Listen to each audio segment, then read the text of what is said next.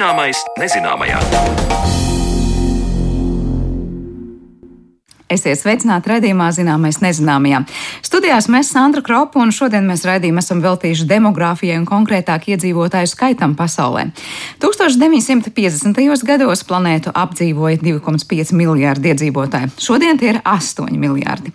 Kādi apstākļi šajos 70 gados radījuši iespēju mūsu sugai tik spēcīgi un sparīgi vairoties skaitā, kur mūsu paliek vairāk un kur sabiedrības noveco un kādu ietekmi šis pieaugums atstāja gan uz mums pašiem, mūsu labklājību, gan arī uz planētu kopumā? Par to jau pavisam drīz runāsim raidījumā. Taču pirms pievēršamies iedzīvotāju skaitam, ieklausīsimies arhīvu stāstā par kādu citu neparastu iedzīvotāju uzskaiti 20. gadsimta sākuma Latvijā. Pagājušā gadsimta 20. un 30. gados notika ekspedīcijas, kurās, kā tolaik teica, cilvēku mērītāji devās ekspedīcijās, anketēja un mērīja Latvijas iedzīvotājus, lai labāk saprastu latviešu antropoloģiskos parametrus. Par šiem mērījumiem un arī to, ko vēsta seno latviešu galvaskausi, stāsta Rīgas Stradiņa Universitātes anatomijas muzeja vadītāja un medicīnas vēsturniece Ieva Lībieta. Seja stūraina, vidēji velvēta, piere, ieslīpa, iedopta vaigu kaula apvidus vidējs.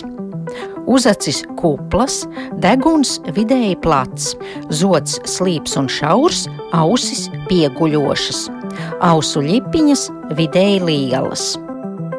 Šādu anketu par Pēteri Kažociņu no Kalna Ilzēnu mājām aizpildīja Latvijas Universitātes medicīnas fakultātes anatomijas institūta darbinieki, kuri institūta vadītāja profesora Jēkaba Prīmaņa vadībā devās ekspedīcijās pa visu Latviju. Konkrētā anketa tagad ir aplūkojama Rīgas Stradiņa Universitātes anatomijas muzeja ekspozīcijā. Bet kāds bija šo anketu mērķis un ar kādiem paņēmieniem tika noteikti antropoloģijas parametri latviešiem, to stāsta muzeja vadītāja Ieva Lībiete mērķis šīm antropoloģiskām ekspedīcijām, tāpat arī kā galvaskausu kolekcionēšanai nu, no senākiem šiem Latvijas iedzīvotājiem, bija noskaidrot, kas tad ir tas Latvijas iedzīvotājs, no kurienes viņš vēsturiski ir nācis un uz kurien tad viņš iet.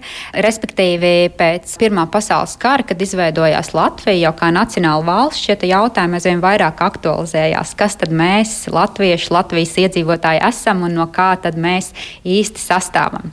Tolaik tas veids, kādā viņi mēģināja šos jautājumus risināt, bija tiešām pēc cilvēku ārējām ķermeņa fiziskām pazīmēm. Respektīvi, tas bija tas, ko viņi varēja mēģināt nomērīt un reģistrēt. Tātad viens ir meklēt to senāko Latvijas iedzīvotāju arheoloģiskos materiālos, kā galvaskausos, piemēram, un savukārt mūsdienu, nu, toreiz 20. un 30. gadu Latvijas iedzīvotāji jau varēja tīri fiziski nomērīt, kas tad arī tika darīts. Notika šo 20. un 30. gadu laikā vairāk kā 20 ekspedīcijas uz dažādiem Latvijas nostūriem, kurās tātad tika mērīti un anketēti iedzīvotāji. Un šajā vitrīnas daļā, piemēram, var apskatīt attīstīt dažādus instrumentus, ar kādiem tad tolaik varēja darboties 20. un 30. gadu antropologs. Lai standartizētā veidā pierakstītu dažādus ķermeņa parametrus un īpašības. Nu, te var izlasīt kraniogrammas, galvaskausu līknes, latviskojot. Ja? Un arī tāds aparāts, tādā metālā karkasā ar spīlēm, ir viens galvaskauss. Jā, jā to, to instrumentu, kurš man liekas nedaudz šajā visā izkārtojumā atgādina tādu moku rīku. Nu, viņš ir mērinstruments, viņš nav īsti mokrīgs, un to sauc par kubisko kranioforu. Tajā mēs redzam, ka ir iefiksēts arheoloģiskos izrakumos atrasts galvaskauls. Šis nāk no 6. gadsimta dobeles ošu izrakumiem, un šādu te instrumentu izmantoja, lai iegūtu tās jūs pieminētās kraniogrammas, jeb tas ir tāds vizuāls galvaskausa datu attainojums uz papīra, lai varētu šos galvaskausus salīdzināt. Tas attiecās uz arheoloģisko galvaskausu izpēti. Pārējie instrumenti, kas ir redzami šeit, tie jau attiecās uz šīm antropoloģiskām ekspedīcijām. Tās ir, es saprotu, mulāžas, kur ir redzamas acis un arī matu šķipsnes dažādi. Jā, tas ir tāds ne. krāsas skalas. Jo, piemēram, acu krāsu nu, mēs tā uz aci droši vien noteikti nu, tur vai nu zila, vai brūna, vai zaļa, bet bija tā vēlme tomēr precīzāk noteikt kaut kādu atsevišķu varavīksnes nokrāsu. Tad tika izveidots tāds speciāls skalas. Šis ir tāds ļoti īpatnējs eksponāts, kur ir tādi stikla acāboli, veseli 16 kas ir izkārtota pēc krāsas, un tām krāsām ir pielikt dažādi numuri. Un tie tiešām ir izmantoti ekspedīciju laikā, jo, ja mēs skatīsimies tajās anketās, kas ir saglabājušās no ekspedīcijām, tur tiešām būs tur acu krāsa, numur 11, matu krāsa, atkal pēc citas skalas, numur tik un tik. Viena no jaunkundzēm pienāca man pavisam tuvu klāt un paglaudīja matus. Plaši, viļņaini, viņa teica otrai, kas sēdēja pie galda un visu atzīmēja. Tad viņa pielika man pie galvas veselu matu paraugu virkni, lai precīzi noteiktu krāsu. Izrādījās, ka maniem matiem pavisam prozaisks apzīmējums - burts M. Un tagad lūdzu skatāties man acīs, teica jaunkundze. Zili pelēks, es konstatēju. Ko nu, ko nu, jums jau ir brūnas iezaļganas. Nē, jums jau kundze. Bet jaunkundze nelikās traucēties un atkal gluži prozaiski atzīmēja, ka mana acu krāsa ir numur astoņi. Tā 1939. gada laikraksta Brīvā zeme žurnālists apraksta savus novērojumus vienā no minētajām antropoloģijas ekspedīcijām. Šobrīd ir grūti izdarīt secinājumus par tā laika savāktajiem datiem, jo jāņem vērā, ka 20. gadsimta 30. gados populāra bija arī eigēnika, tas ir mācība par ģenētikas principu izmantošanu cilvēku populāciju iedzimtības īpašību uzlabošanā, un tolaik tā arī tika izmantota kā nacisma ideoloģija, proti, ka viena nācija ir pārāka par citām, tad šodienas pētniekiem nāktos atsijāt ideoloģisko uzslāņojumu, lai pateiktu, kāds tad bija tā teikt vidējais latvietis, ja vien vispār tāds eksistēja. Protams, jāskata arī šie visi antropoloģiskie pētījumi arī kontekstā, jo tas pirmais ir tā vēlme noskaidrot par to, kas tad ir tas latvietis, un, protams, nākot un attīstoties jau 20. gadsimta sākuma zinātnē, tostarp arī rasu zinātnē pasaulē, protams, ka parādās arī jautājumi par to, kādai rasei tad latvieši ir piederīgi, un tam līdzīgi arī šādus secinājumus. Tātad no, gan no uh, Latvijā mērītiem cilvēkiem mēģina izdarīt arī Jēkabs Prīmans. Par tām anketām, antropoloģiskajām ekspedīcijām, neliela daļa no tām ekspedīcijām ir uh, nopublicētas pārsvarā 20. gados, bet viena daļa ir palikušas nepublicētas, kuras Prīmans ir vēlējies nopublicēt, bet uh, sākoties Otrajam pasaules karam viņš emigrēja, bet uh, respektīvi viss tas antropoloģiskais materiāls palika šeit muzejā. Es gribu teikt, tās vēlāko laiku anketas, kas parādās jau Jēkabā Prīmaņa paša izstrādātas, nesatur vairs tikai un vienīgi fiziskos parametrus, nu, piemēram, cilvēka dažādas nu, ķermeņa mērījumus, bet viņas ir interesantas mūsdienās arī ar to, ka viņas satur diezgan daudz sociālus parametrus. Tur ir jautājumi par cilvēka vecākiem, par to, no kurienes viņi ir nākuši, tur ir jautājumi par to, no kā un kādā vecumā vecāki, ja, vairs nav dzīvi, ir miruši.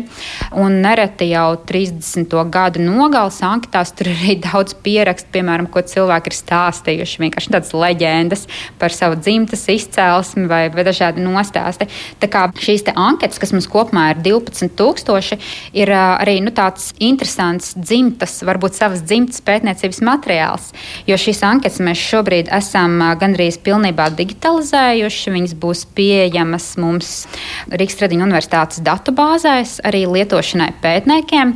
Tā kā zinot, kuros gados, uz kuriem reģioniem anatomijas institūta darbinieki ir veikuši savas ekspedīcijas, ja kādam cilvēkam šajās vietās ir viņa, piemēram, dzimtās mājas, tad ir diezgan liela iespēja, ka tie radinieki ir nomērīti, iztaujāti un tostarp arī nofotografēti.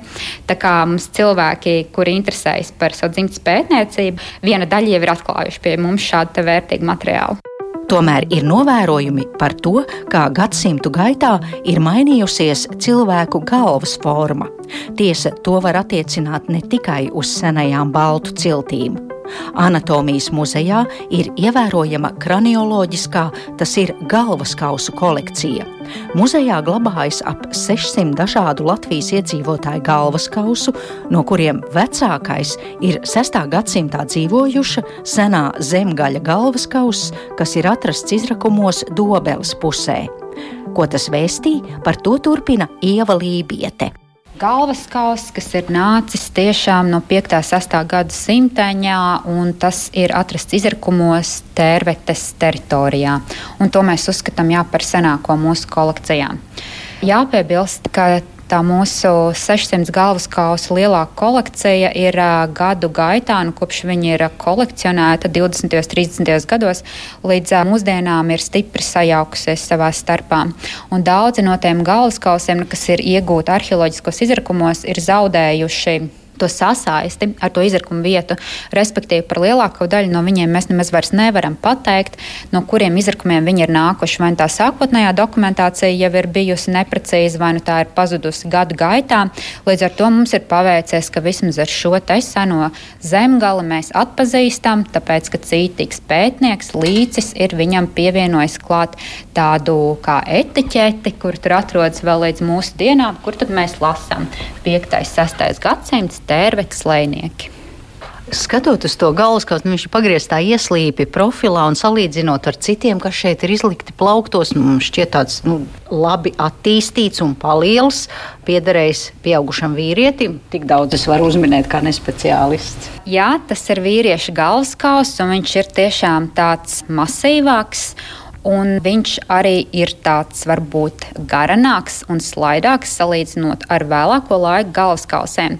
Un tas ir tas, ko patiesībā Jēkabs Prīmans, kā viens no muzeja un anatomijas institūta vadītājiem, kopā ar saviem līdzstrādniekiem arī novēroja, pētot šo lielo galvaskausu apjomu, kas nāk apmēram no 5. gadsimta līdz pat 19. gadsimtam, kur viņš secināja, ka tātad šie senie galvaskausi ir pēc formas bijuši iegaranāki un laikam ejot uz priekšu, Latvijas iedzīvotāju galvas kļuvušas īsākas un apaļākas. Respektīvi, garums šo gadsimtu laikā galvaskausa garums ir samazinājies apmēram par 1 cm un platums pieaudzis par apmēram 1 cm. Kāpēc tas tā ir noticis? To viņš nemācīja pateikt, to nemācīs droši vien precīzi pateikt arī neviens šobrīd, bet tāda tendence pastāvēja gan Latvijā, gan arī citās Eiropas valstīs. Līdzīgs novērojums varam atrast.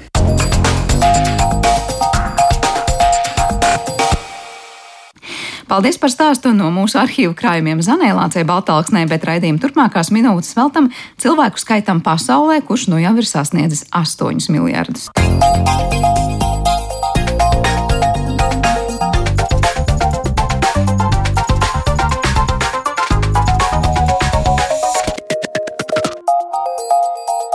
Zināmais nezināmajā. Nav otra tāda dzīvnieka kā cilvēks, kas spētu tik ātrā laikā apdzīvot planētu, tik daudzskaitlīgi un intensīvi vienlaikus pakļaujot sev te visus dabas resursus.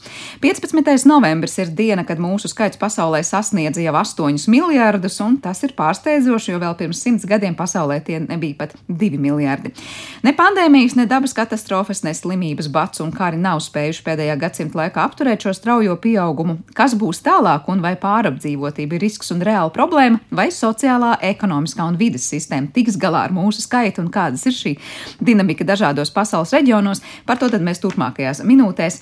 Uz sarunu esam aicinājuši šeit studijā Latvijas Universitātes Geogrāfijas un Zemezinātņu fakultātes asociēto profesoru Māru Bērziņu. Labdien! Labdien! Un mums telefoniski sarunas sākumā pievienojas arī Una Aleksandra Bērziņa Čerenkova, tātad politi politoloģe, Ķīnas pētniece Rīgas Stradiņa Universitātes Ķīnas studiju centra vadītāja. Labdien, Una! Sveiki! Es sākšu vispirms ar to, ka nu, esam 8 miljardi. Esam diezgan daudz, vai ne? Piekritīsiet arī studijā, Māja ar galvu un Mārs. Pirms 50 gadiem bijām tikai 2,5 miljardi. Kad visstraujāk mēs sākām iet tā lielā pieauguma virzienā, Māra, jūsu vārds? Jā, nu, tas pil, pirmais miljards eh, ap 1800. gadu, ja, un tad 8 eh, miljardi. 200 mazliet vairāk gadu laikā, nu, tas straujais pieaugums sākās 20. gadsimta vidū. 20. gadsimta 60. un 70. gadi, kad apmēram vidēji par 2% gadā pieauga iedzīvotāju skaits. Nu, tas bija tas um, nu, tā saucamā iedzīvotāja eksplozija, kad uh, notika ļoti, ļoti strauji pieaugums. Un nu, katru nākamo miljardu pasaule ir sasniegusi īsākā laikā, jāsaka tā, kad um, nu, 7 miljardi bija, ja nemaldos, 2011. gads, nu tad 11 gados mēs esam 8 miljardi sasnieguši, un iepriekš tur bija arī robežās 12, 14 gadi tie iepriekšējie miljardi. Uh, nu, Par prognozēm laikam vēl runāsim. Par prognozēm droši vien vēl parunāsim, bet es pirms dodu vārdu Unai vēl gribēju jautāt, nu tad, kā šobrīd izskatās, tas pieaugums jau ir ļoti nu, atšķirīgs dažādos pasaules reģionos, vai ne? Un mēs varam teikt, mēs esam to lielo izrāvienu sasnieguši pateicoties šīm te Ķīna, Indija un, tā, un, un tām valstīm, kur tas iedzīvotājs skaits jau nu, ļoti sen ir milzīgs. Un mēs savukārt Eiropā šeit varam teikt, nu tā ļoti klusi mūsu kļūst mazāk nekā vairāk. Nu, tas 20. gadsimta vidus faktiski visa, nu, ja tā runājam, globālajie ziemeļi bija raksturīgs tas pieaugums gan Ziemeļamerika, gan Eiropas kontinents, Eirāzija kopumā. Eh, nu, šobrīd lielāko pieaugumu sniedz Āfrikas valstis, eh, nu, Dienvidu Austrumāzija, bet eh, Austrumāzija mazāk. Um, nu, jā, un tā dinamika, protams, pa valstīm atšķirās, un mums Latvijā, protams, vairāk ir ierasts dzirdēt uh, vārdus vai metafāras demogrāfiskā bedre, un mums tā ir pavisam tiešām jāsaka, neierasta situācija dzirdēt, ka iedzīvotāju skaits pieaug, bet kopumā pasaulē tas, protams, uh, pieaug, intensitāte mazinās, bet uh, ir pieaugums. Tad intensitāte mazinās, bet tomēr pieaug. Es unai šobrīd gribu vaicāt arī par nu, tiem tālajiem austrumiem, jo, protams, mēs daudz un dikti esam dzirdējuši un vienmēr teikuši, nu jā, pasaulē daudz iedzīvotāju, tāpēc, ka tur Ķīnā un daudz kur citur ir daudz iedzīvotāju bet es saprotu, ka arī pašā Ķīnā pēc ilgstoša pieauguma ir novērots populācijas samazinājums. Kāda ir tā situācija tajā reģionā? Jā, protams, psiholoģiski mēs, redz, mēs redzam, ka uh, ir mainījusies principā Ķīnas pieeja, Ķīnas mājasaimniecība pieeja Uh, uzskatām par to, kas tad ir bērns. Bērns vairs nav investīcija, uh, bērns ir izdevumi. Un tādā ziņā, protams, ir, mēs ļoti labi atceramies to laikus, kad uh, Ķīnas cilvēktiesību kritikas kontekstā viens no populārākajiem tematiem uh, vienmēr ir bijis uh, Ķīnas viena bērna politikas kritika. Ja? Tātad uh, tāds, tāds maltūzijānisks uh, pieejams, uh, lai samazinātu Ķīnas iedzīvotāju skaitu, kuru, kuru, kuru ieviesa uh, uh, Ķīna 80. Um, 70. un 80. gados ļoti aktīvi īstenoja, un kurš ienāca līdz pat mūsu laikam, bet tad uh, saprotot, ka šī filozofija nav bijusi pareiza, jo patiesībā jau tas, ko tajā laikā Ķīna nebija, uh, nu, Ķīnas vadība nebija ar ko rēķinājusies, ir tas, ka, kad cilvēki paliek turīgāki, viņiem pašiem vairs negribās tik daudz bērnu. Ja? Tātad uh, izlīdzinās šī, šī līkne, tā, tā, tas, tas tika palaists garām, un tāpēc un tā Ķīna pamazām pārgāja sākumā uz divu bērnu politiku. Ja? Tātad mēs šeit runājam gan par haņiem, par uh, pamatnāciju, kur ir vairāk nekā 90% uh, etniskajām mazākumā mazākumiem, mazākumu tautībām, kuru ir oficiāli 55 Ķīnā, tika piemēroti citi noteikumi arī reģionāli, ja šur tur drīkstēja vairāk bērnus, arī tad, ja, ja teiksim, esi gatavs piemaksāt lielajās pilsētās otru, otru trešo bērnu dzemdēt, bija savā ziņā arī statusa jautājums, jo ja tie, kas to varēja atļauties, Bet tā tad tika skaidrs, ka tika noskaidrots, ka šī pieeja ir bijusi kļūdaina, ka uh, nav, netiek nodrošināta ataudze, ka um, kaut kādu tādu vecu ticību patriarchālu kontekstā uh, cilvēki izvēlās um, uzzinot par to, ka uh, gaidāma ir meitene veikta abortu agrā stadijā, ka, kas tika, protams, arī aizliegts, bet šī praksa turpinājās, un mēs to redzam arī uh, dzimi, tādā, nu, dzimumu ne, ne, nevienlīdzīgā sadalījumā Ķīnā. Uh, un, uh, Tad Ķīnas, Ķīnas valdība pārgāja pie nu, faktiski atteikšanās no šīs politikas, bet Eh, savā ziņā ir jau par vēlu, jo faktiski eh, šobrīd, eh, nu, mans kolēģis labāk pateiks, bet principā Ķīnas mājasēmniecība bērnu skaits ir nokries zem attaudzes, zem attaudzes līmeņa, tātad tie jau ir viens komats, jā, tie vairs nav divi vai divi komatīvi bērni. Un tas nozīmē, ka nākotnē katram pieaugušiem būs jāuztur arvien vairāk veci cilvēku, un galu galā uh, veselības sistēma Ķīnā uzlabojās, tāpēc šie cilvēki dzīvos ilgāku mūžu. Un tas lielais risinājums, kuru izmanto citas Austrumāzijas valstis, migrācija. Ķīnā dienas kārtībā nav. Bet pasakot to, gan, protams, ir jā, jāatcerās, ka valsts ir milzīga, iedzīvotāju skaits ir 1,4 pāri uh, miljardi. Tas nozīmē, ka kaut arī demogrāfiski ir šī te, nu, arī patiesībā bedre, jā, priekšā mm, darbspēju vecumu pieaugušajiem, tomēr uz tā milzīgā skaita vien jau plus pie tehnoloģiskās, nu, teiksim, pie tādas pie, pie tehnoloģiskās un IT revolūcijas, nu, Ķīna tomēr apzinās, ka vienkārši uz objektīvus uh, uz, uz skaita vien, tomēr tiem ir vēl priekšrocība. Bet tad sanāk tā, ka tās lielākais iemesls tam, ka tā demografiskā bedra nu sāk veidoties arī Ķīnā, ir nevis šī te ilgstoši piekoptā viena bērnu politika, kas bija, bet tas, ka cilvēki kļuva vienkārši bagātāki, viņiem bija pieauga labklājība un arī medicīna bija varbūt, nezinu, pieejamāka un augstākā līmenī, var teikt. Tad tas samazināja šeit tā vēlme vairs neradīt tik daudz bērnu, tāpēc, ka sabiedrība kļuva bagātāka, tā var teikt. Noteikti politika, protams, ir pirmajā vietā, kā ietekmē šis faktors, jo, nu, ja nedrīkst, tad nedrīkst, jā. Bet no otras puses, tas iespējams būtu noticis arī pats no sevis šis bērnu skaita samazinājums ģimenē. Mājasemniecība būtu pats no sevis uh, iestājies labklājībai pieaugot. Galu galā mēs zinām, ka pilsētniekiem ir mazāk bērnu, principā globāli. Un Ķīnā uh, jau ir uh, lielākā daļa iedzīvotāji. Tad, kad, kad mēs kaut kādiem gadiem desmit mēs svinējām, ja, kad ķīnieši svinēja to, ka urbanizācijas līmenis ir pārsniedz 50% uh, uh, nacionāli, tas nozīmē jau, ka ir arī šie citi faktori, sabiedrības attīstības faktori, kuri būtu iespējams noveduši pie pakāpeniska iedzīvotāju pieauguma palēninājuma. Bet šeit, protams, ir jājautā manam kolēģim, kurš ir daudz lielāks, daudz zinošāks. To es tūdaļ arī darīšu. geogrāfijas eh, un, un iedzīvotāju teorijās nekā es. Bet vēl pirms es runāju, saku paldies, gribēju vaicāt tādus pavisam īsus komentārus, kā Ķīna un citas Āzijas valstis ir šobrīd pielāgojušās nu, tam lielajam vienalga iedzīvotāju skaitam. Es domāju, vai tā viņu esošā sociālā un ekonomiskā sistēma spēj uzturēt tik daudz iedzīvotāju, vai mēs te varam runāt, kad mēs vēl ilgstoši dzirdēsim par dažādām nesakārtotām problēmām.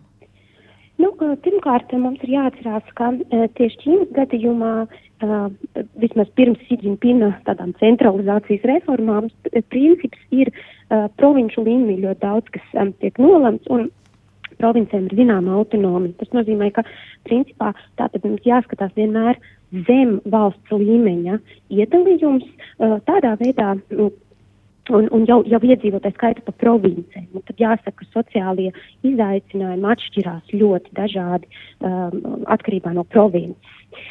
Tātad tie, tie nav visur vienādi.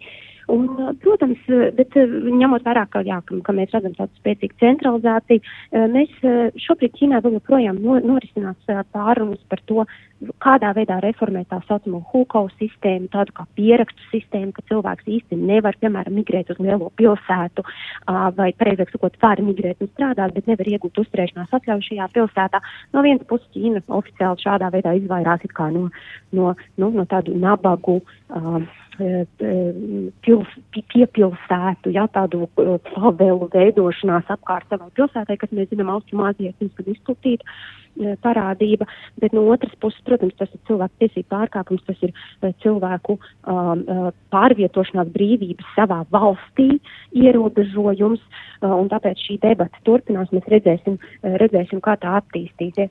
Nu, jebkurā gadījumā tas, ka ķīniešiem bērnu vairs mā, vienā ģimenē, vienā mājasemniecībā nebūs vairāk par tiem viens komats. Nu, tas ir diezgan skaidrs. Jā, skaidrs, paldies, un Aleksandra Berziņš-Renko bija mums pie telefona, tātad politoloģi un Rīgas Tradiņu Universitātes Ķīnas studiju centra vadītājs sniedz mums komentāru par to austrumu virzienu pusi. Paldies par sarunu, bet te sarunu turpinot studijā, es, protams, ka daudzus jautājumus gribu uzdot arī Mārim. Māri, vai ir kaut kāds komentārs par to, kas ir līdz šim dzirdēts, vai ir kaut kāds savs redzējums par to, nu, kas ar to Ķīnas tālāko politiku notiks, notiks tālāk? Ķīna, protams, ir interesants piemērs nu, ne tikai tāpēc, ka milzīga valsts, bet arī nu, šo īstenoto demogrāfijas politikas mm, jautājumu aspektā. Man liekas, kaut kad nesen viņi arī centās kaut kā ierobežot, regulēt eh, laulību šķiršanu. kaut kā tādā veidā arī regulēt šīs te, nu, kopdzīves formas, ģimeņu pastāvēšanu. Bet, jā, un te iezīmēja lieliskus nu, tādus arī punktus, piemēram, šis pats urbānais pavērsiens, ja, cik, kāds ir iedzīvotājs sadalījums pilsētās, lauka apdzīvotajās vietās, un, protams, arī šī te, mm, nu, dzīvesveida atšķirības starp pilsētām, laukiem un vispār kā sabiedrības attīstības gaitā, nu, tas ir mainījies un, protams, tas ietekmē mūsu demogrāfisko uzvedību. Un arī šo te Roberta Malthausa nu, šīs idejas no 18. un 19. gadsimta sākuma, nu, kas bija tāds pirmais viņa esseja, kurām faktiski nu, tika apgalvots, ka uh, iedzīvotāji vairojas tādā geometriskā progresijā, bet nu, tā pārtiks nodrošinājums ir tomēr tāda aritmētiska progresija. Ja, tur, kur mm, nu, to iedzīvotāju vairāk kā pārtiks nodrošinājums, tad ir tā saucamā Malthausa katastrofa. Ja. Uh, nu, tas ir pirmsākumi šīm demogrāfijas regulēšanai, demogrāfijas politikai. Ja, un, bet bet nu, tas, ir, tas ir jāatzīmē, un, un to, to, manuprāt, lieliski arī akcentēja. E, un arī daudz runājā par šo Ķīnā savulaik esošo vienu bērnu politiku. Es nezinu, ko pētnieki par to saka, bet vismaz nu, daudz kur dažādās filmās un mēdījos tika runāts par to, ka patiesībā jau ļoti daudzi bija tie cilvēki, kas nu, piedzima tik un tā, neatkarīgi no tā, ka drīkst vai nedrīkst.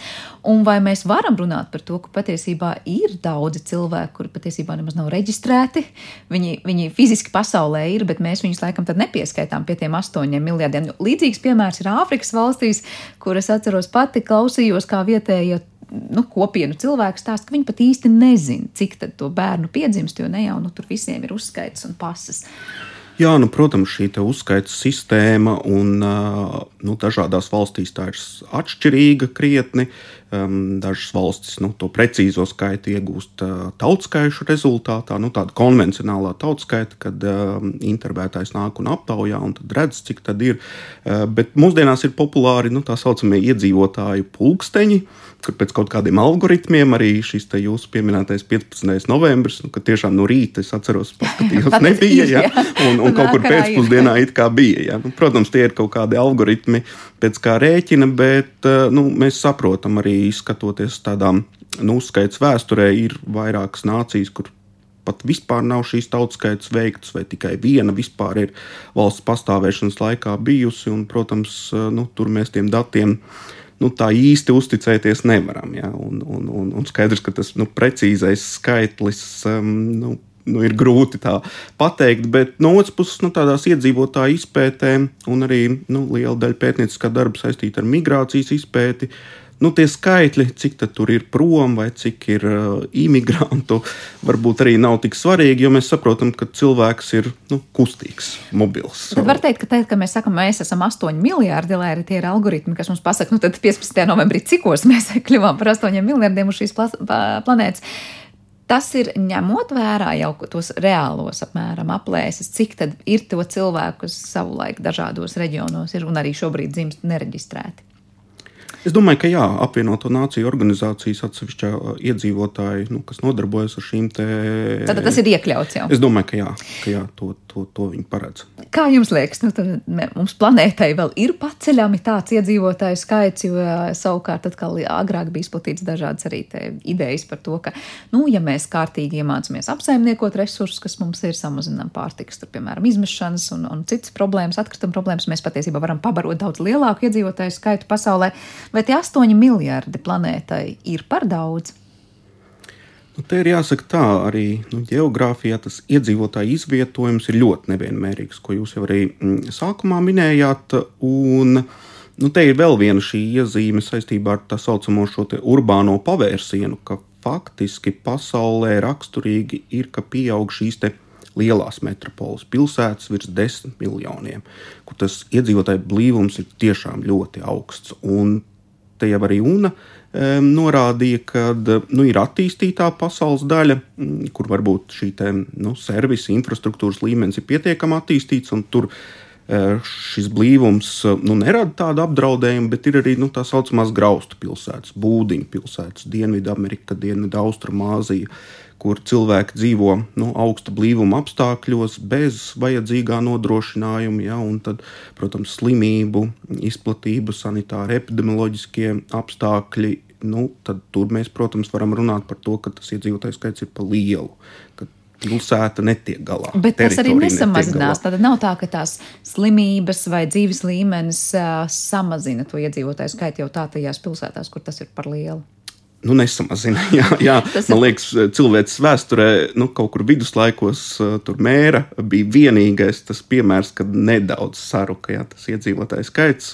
Bet tas ir saistīts, ka ir kaut kāda sasniegta kritiskā masa, pēc kuras pārsniegšanas iedzīvotāju skaita ziņā jau nu, tas, ko spēj samazināt infekcijas, un kas cits nu, īsti nerada lielu ietekmi uz to kopējo dinamiku, kādā turpina pieaugt iedzīvotāju. Nu, te ir jāsaka, te ir divi apstākļi. Nu, protams, uzlabojās veselības aprūpe, uzlabojās tas, kā mēs domājam par pārtiku, kā, kā, kā mēs dažādojam, daudzveidojam, un e, kopumā tas atspoguļojas tajā, ka visos pasaules reģionos pieaug paredzamais mūža ilgums. Nu, tā ir tā mm, viena daļa, un otra noteikti ir um, arī nu, šis dzīvesveids, uh, kas mainās, un, un, un cilvēki grib padzīvot ilgāk sev, pabaudīt dzīvi, nu, atlikt eh, bērniņu ienākšanu ģimenē. Un, un, protams, nu, tur mainās arī šīs kopdzīves formas, eh, attieksme, ja, un tad, protams, reliģija, kultūra vēl skatīties, kā ietekmē eh, šos demogrāfiskās uzvedības rādītājus. Tā kā nu, te ir vairāki aspekti, kas pārklājās. Bet es domāju par tām sabiedrībām, kurā, kā arī Una teica, joprojām bērns ir investīcija, nevis izdevumi, ja, nu, kā viņa to salīdzināja un kā, kā definē. Tad vai nav tā, ka tās jau ir tās nu, ļoti lielās pārapdzīvotās teritorijas, kurās nav jau atbilstoši tie dzīves apstākļi, varbūt, lai tos bērnus nu, radītu un uzturētu, bet tieši tur jau tas pieaugums ir tas lielākais. Savukārt tās slimības, kas tur ir un infekcijas, nu, uz tā visa fona, kādā pieaug iedzīvotāju skaits, ir krietni, var teikt, lēnākas un mazāk tās bremzes spiež nekā tas uh, iedzīvotāju skaita pieauguma temps. Es tieši par tām pārapdzīvotām teritorijām, vietās, kur tie apstākļi nav atbilstoši, nu, lai būtu tik liels iedzīvotāju skaits. Nu, būtībā tas temps mazinās visur, un, un tepat ar, dodot no šo atsauci, ja 20. gadsimta 60. un 70. gadu robežā nu, šis te vienkāršais rādītājs, summārais dzimstības koeficients, jeb nu, vienai vien, vien, sievietei dzīves laikā nu, dzimušo bērnu skaits bija tuvu pieciem bērniem ja, pasaulē kopumā, tad šobrīd viņš jau ir uh, nokrities līdz 2,4 pasaulē kopumā. Ja. Tā kā, viņš mazinās gan Āfrikā, gan uh, Dienvidamerikā, gan Dienvidu-Austrumāzijā. Nu, tā, tā intensitāte bremzējās, un pēc apvienoto nāciju organizācijas prognozēm uh, nu, 10 miljardus mēs varētu šī gadsimta beigās sasniegt, un to nākamo miljardu jau uh, nu, ne vairs 11 gados, bet nu, 15, 14. Tomēr diezgan tuvu. Jā. Nu, tuvu, bet, bet jau bet ar tendenci jau, jau varbūt tendence, kad, kad jā, mazinās. Jā, par tām prognozēm arī runājot, jau ieskicējāt, kad būs tas 9. un 10. miljards, bet kā ir ar to? Nu, cik ļoti dažādās vecuma grupās mēs sākam dzīvot šajā planētā. Proti, es domāju, nu, tajos reģionos, kur uh, dzimstība samazinās, protams, ka mums sanāk, ka vecās paudzes ir vairāk cilvēki. Ja? Tad, tad teikt, tur ir nācijas, kuras ir vecākas, un savukārt, eh, nu, minēšu, nezinu, tur Āfrikas atkal piemēru kādu, kur liekas, nu, tas mm, nācijas ir jaunākas, ja? un tas dzīves ilgums arī ir īsāks tur Āfrikā joprojām salīdzinot. Ar... Jā, jā, protams, bet, bet arī tur viņš pieaug. Bet, mm -hmm. nu, tā mm, vecuma dažādība arī ir diezgan milzīga. Ja tās novecojošās nācijas vai nu, tās vecākās vecuma mediāna uh, nu, respektīvi, pusi iedzīvotāji ir jaunāki par 50 gadiem, otra puse vecāki. Nu, tā ir Japāna. Un arī Eiropā, Itālija 47, 46. Nu, tā vecuma mediāna ir. Tad Āfrikas valstīs, īpaši uz dienvidiem no Sahāras, nu, tur Čada, Malī, Dienvidāfrikas Republika ir 11, 14, 15, 16 gadi. Ja? Tad tā, tā atšķirība ir diezgan milzīga. Ļoti, ļoti milzīga. Ko tas nozīmē mums kā planētas iedzīvotājiem, ka mums ir tik ļoti dažādu vecumu grupās sadalīta pasaule? Nu, tas pilnīgi noteikti ietekmē otru būtisko demogrāfisko rādītāju - migrāciju. Nu, pēc dzimstības mirstības, um, tātad, uh, jo migrācija ir raksturīga gados jaunām iedzīvotāju grupām, un te vēl, protams, pārklājās nu, tas ar šo bādu, pārapdzīvotību, un, ja tur ir jauna sabiedrība, tad visticamāk, nu, pie noteiktām problēmām cilvēki pametīs tās valstis un dosies nu, labāku teritoriju, labāku valstu meklējumos. Un, protams, ka nu, migrācijā šos riskus vieglāk ir uzņemties gados jauniem cilvēkiem. Un, un, un, nu, te vēl arī, protams, konflikti ir jāvērtē un, un šīs lietas.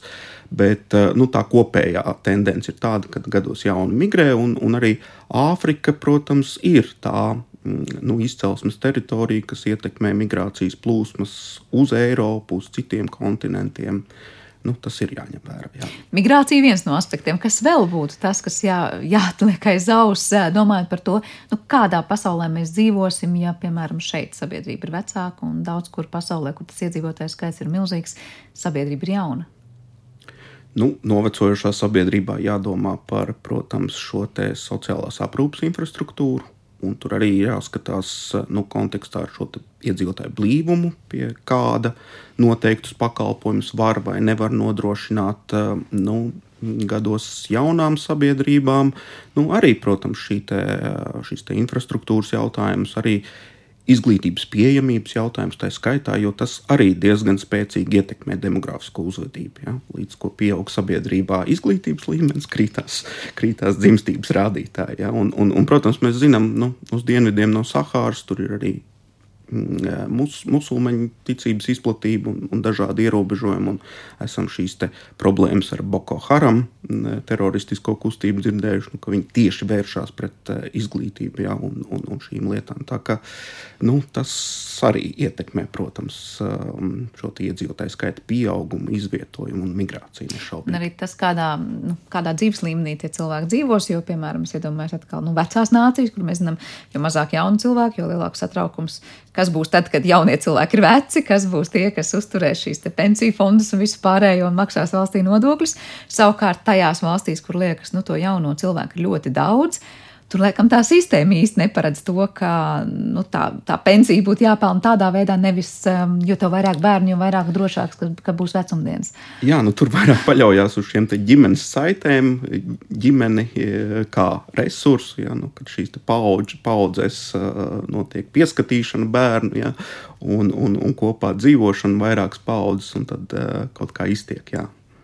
Kas notiktu, ja tagad ļoti strauji sāktu sarukt iedzīvotāju skaits pasaulē? Nu, labi, jūs teicāt, tendence mazināties ir, bet ja tas būtu nevis pakāpeniski, bet ļoti, ļoti krasi, vai mēs varētu sākt runāt par kaut kādām nu, lielām problēmām, kas, es nezinu, parāda darba spēks, kas nav spējīgs vai sabiedrība sevi uzturēt? Nu, te jāskatās, ka vienlaicīgi, protams, arī mainās nu, šī darba tirgus struktūra, ekonomikas nozara struktūra. Vairs nav tik daudz nepieciešams šīs darba roku mm, nu, ietilpīgās nozares, ja mainās šīs lietas. Un līdz ar to nu, arī jāvērtē jā, nu, tā izglītība un augstāk kvalificētas profesijas, un, un protams, ka ir arī šīs zemi kvalificētās, un, un tas pieprasījums ir dažāds nu, šajās nozarēs. Bet grūti tā novērtēt. Nu, pie strauja sarukuma skaidrs, ka tas radītu problēmas, grūtāk būtu to esošo infrastruktūru uzturēt. Bet, nu, visticamāk, tas arī nebūtu tā, ka caurmērā visā pasaulē vienādi tas sarukums notiktu. Visticamāk, tad kaut kādas retāk apdzīvotas teritorijas, mazāk blīvie apgabali, mazās pilsētas, lauku ciemi nu, būtu tie, kurus skartu tas vairāk. Nu, katrā ziņā, ja tagad strauji samazinātos iedzīvotāju skaits, tas nenozīmē, ka virkne mūsu problēmu, kas ir pasaulē saistīta gan ar resursu patēriņu, gan ar piesārņojumu, daudz ko citu, tiktu atrisināts. Tur vairāk ir stāsts par to, kā tie pārējie, kas paliek, lieto resursus un to, kas ir planētas rīcībā. Nu, te gan jāsaka, redz, Covid pandēmijas laikam tajos pirmajos mēnešos tā pasaule mazliet apstājās, un tad bija daudz eh, tās ainiņas, kad tur Indijā, kur ir smogs un vēl dažās šajās lielajās pilsētās, nu, tā negaidot, ap, apturot eh, pasaules šo ikdienas ritējumu.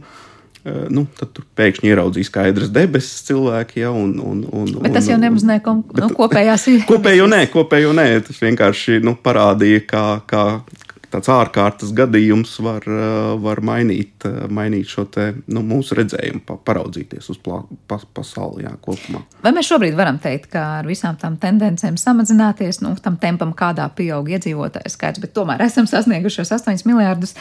Pārapdzīvotība ir reāla problēma šobrīd, vai jūs teiktu, tas ir tikai un vienīgi tāpēc, ka šī nevienlīdzība starp dažādiem reģioniem un tā ir vietās, kur tiešām jūs minējāt šīs pilsētas, tas iedzīvotāju skaits ir krietni virs pieņemamā. Nu, noteikti mēs te jārunā reģionāli, jo tur, tur kur ir um, arī nu, tā pati Āfrika, jau vairākas reizes šodien pieminētā, nu, kur, kur šī pārapdzīvotība, bada konflikta problēmas izraisa un tad attiecīgi arī šo migrāciju. Nu, tad cita lieta ir attīstītās valstis ar uh, nu, šīm lielajām megapolēm, desmit miljonu pilsētām, bet kur tā infrastruktūra un sociālais nodrošinājums pietiekami labā kvalitātē. Nu, tur visticamāk nu, tādām problēmām varbūt nevar runāt, jo tur arī tehnoloģiski mainās. Ja, domā par šo piesārņojumu, par veselību, par gaisa kvalitāti un tam līdzīgi. Nu, tas ir diezgan dažādi. Pie augsta blīvuma vienā teritorijā nu, var nodrošināt labus dzīves apstākļus, kur citā teritorijā pie, pie tikpat augsta blīvuma ir, ir virkni problēma. Jā. Tas jau tātad plašāks stāsts par to, kā konkrētajā sabiedrībā vai kopienā tiek organizētas lietas. Un noslēdzot šo sarunu, mēs te daudz piesaucām arī pilsētu un lauku teritorijas. Vai jūs paredzat, ka nu, tās atkal prognozes nākotnē, vairāk mēs piepildīsim tos lauku apvidus, varbūt šobrīd no pilsētām cilvēki vairāk mēģinās nu, migrēt uz tām vietām, kur, kā saka, vēl dabas stūrītes, vai nav tik liels tas iedzīvotājs skaits, un mēs varam nākotnē redzēt tādu nu, beigšanu no pilsētām. Nu, laikam nebūs šis te jau vairākas reizes pieminētais ur urbānais pavērsiens notika, ja nemaldos, 2007. gadā, kad nu, planētas iedzīvotāju skaits sadalījās puse pilsētās, puse lauku teritorijās. Nu, te bija tādi arī varbūt pat kuriozi, kuriozas ekspektācijas, kad Covid pandēmijas rezultātā nu, cilvēki mēģinās pamest blīvi apdzīvotas teritorijas, nu, kur, protams, ir augstāks risks inficēties, nu, šī vīrusu transmisija notiks eh, straujāk, bet patiesībā, nu, skatoties tos mm, nu, zinātniskās publikācijas, kas pēdējos gadus, nu, tā, tie ir izņēmuma gadījumi un kopumā tomēr cilvēki virzās uz šiem ekonomiskajiem centriem. Un, un, un tas būs uh, migrācijas galamērķis gan starpvalstu migrācijā, gan iekšzemes migrācijā. Jā, dzīvesveids un dzīves apstākļi nu, piepilsētas teritorijās vai laukos ir, protams, pievilcīgi, bet tie nav tādām masām. Tā kā nav pamata domāt, ka tagad no pārapdzīvotām pasaules megapolēm cilvēki ieraugot, nu, ko bieži sakām Latvijā, tiešām mums ir ļoti daudz vietas, ja, ka, ka, ka tas varētu vilināt cilvēkus doties uz tādām dabas teritorijām, kurās ir mazāk cilvēku, bet līdz ar to Nē, nu, tādi, tā, tā, tāda masveidīga un tāda varbūt kā kinofilmās kaut kur redzēt tāda ap apakaliptiska sainas, ka pilsētas pamet. Uh, nē, Nu, protams, arī pilsētu teritorijas ir dažādas, un tas varbūt pat būtu cit, cit, cits temats analizēt, kādi pilsētvidas procesi ir aktuāli un notiek.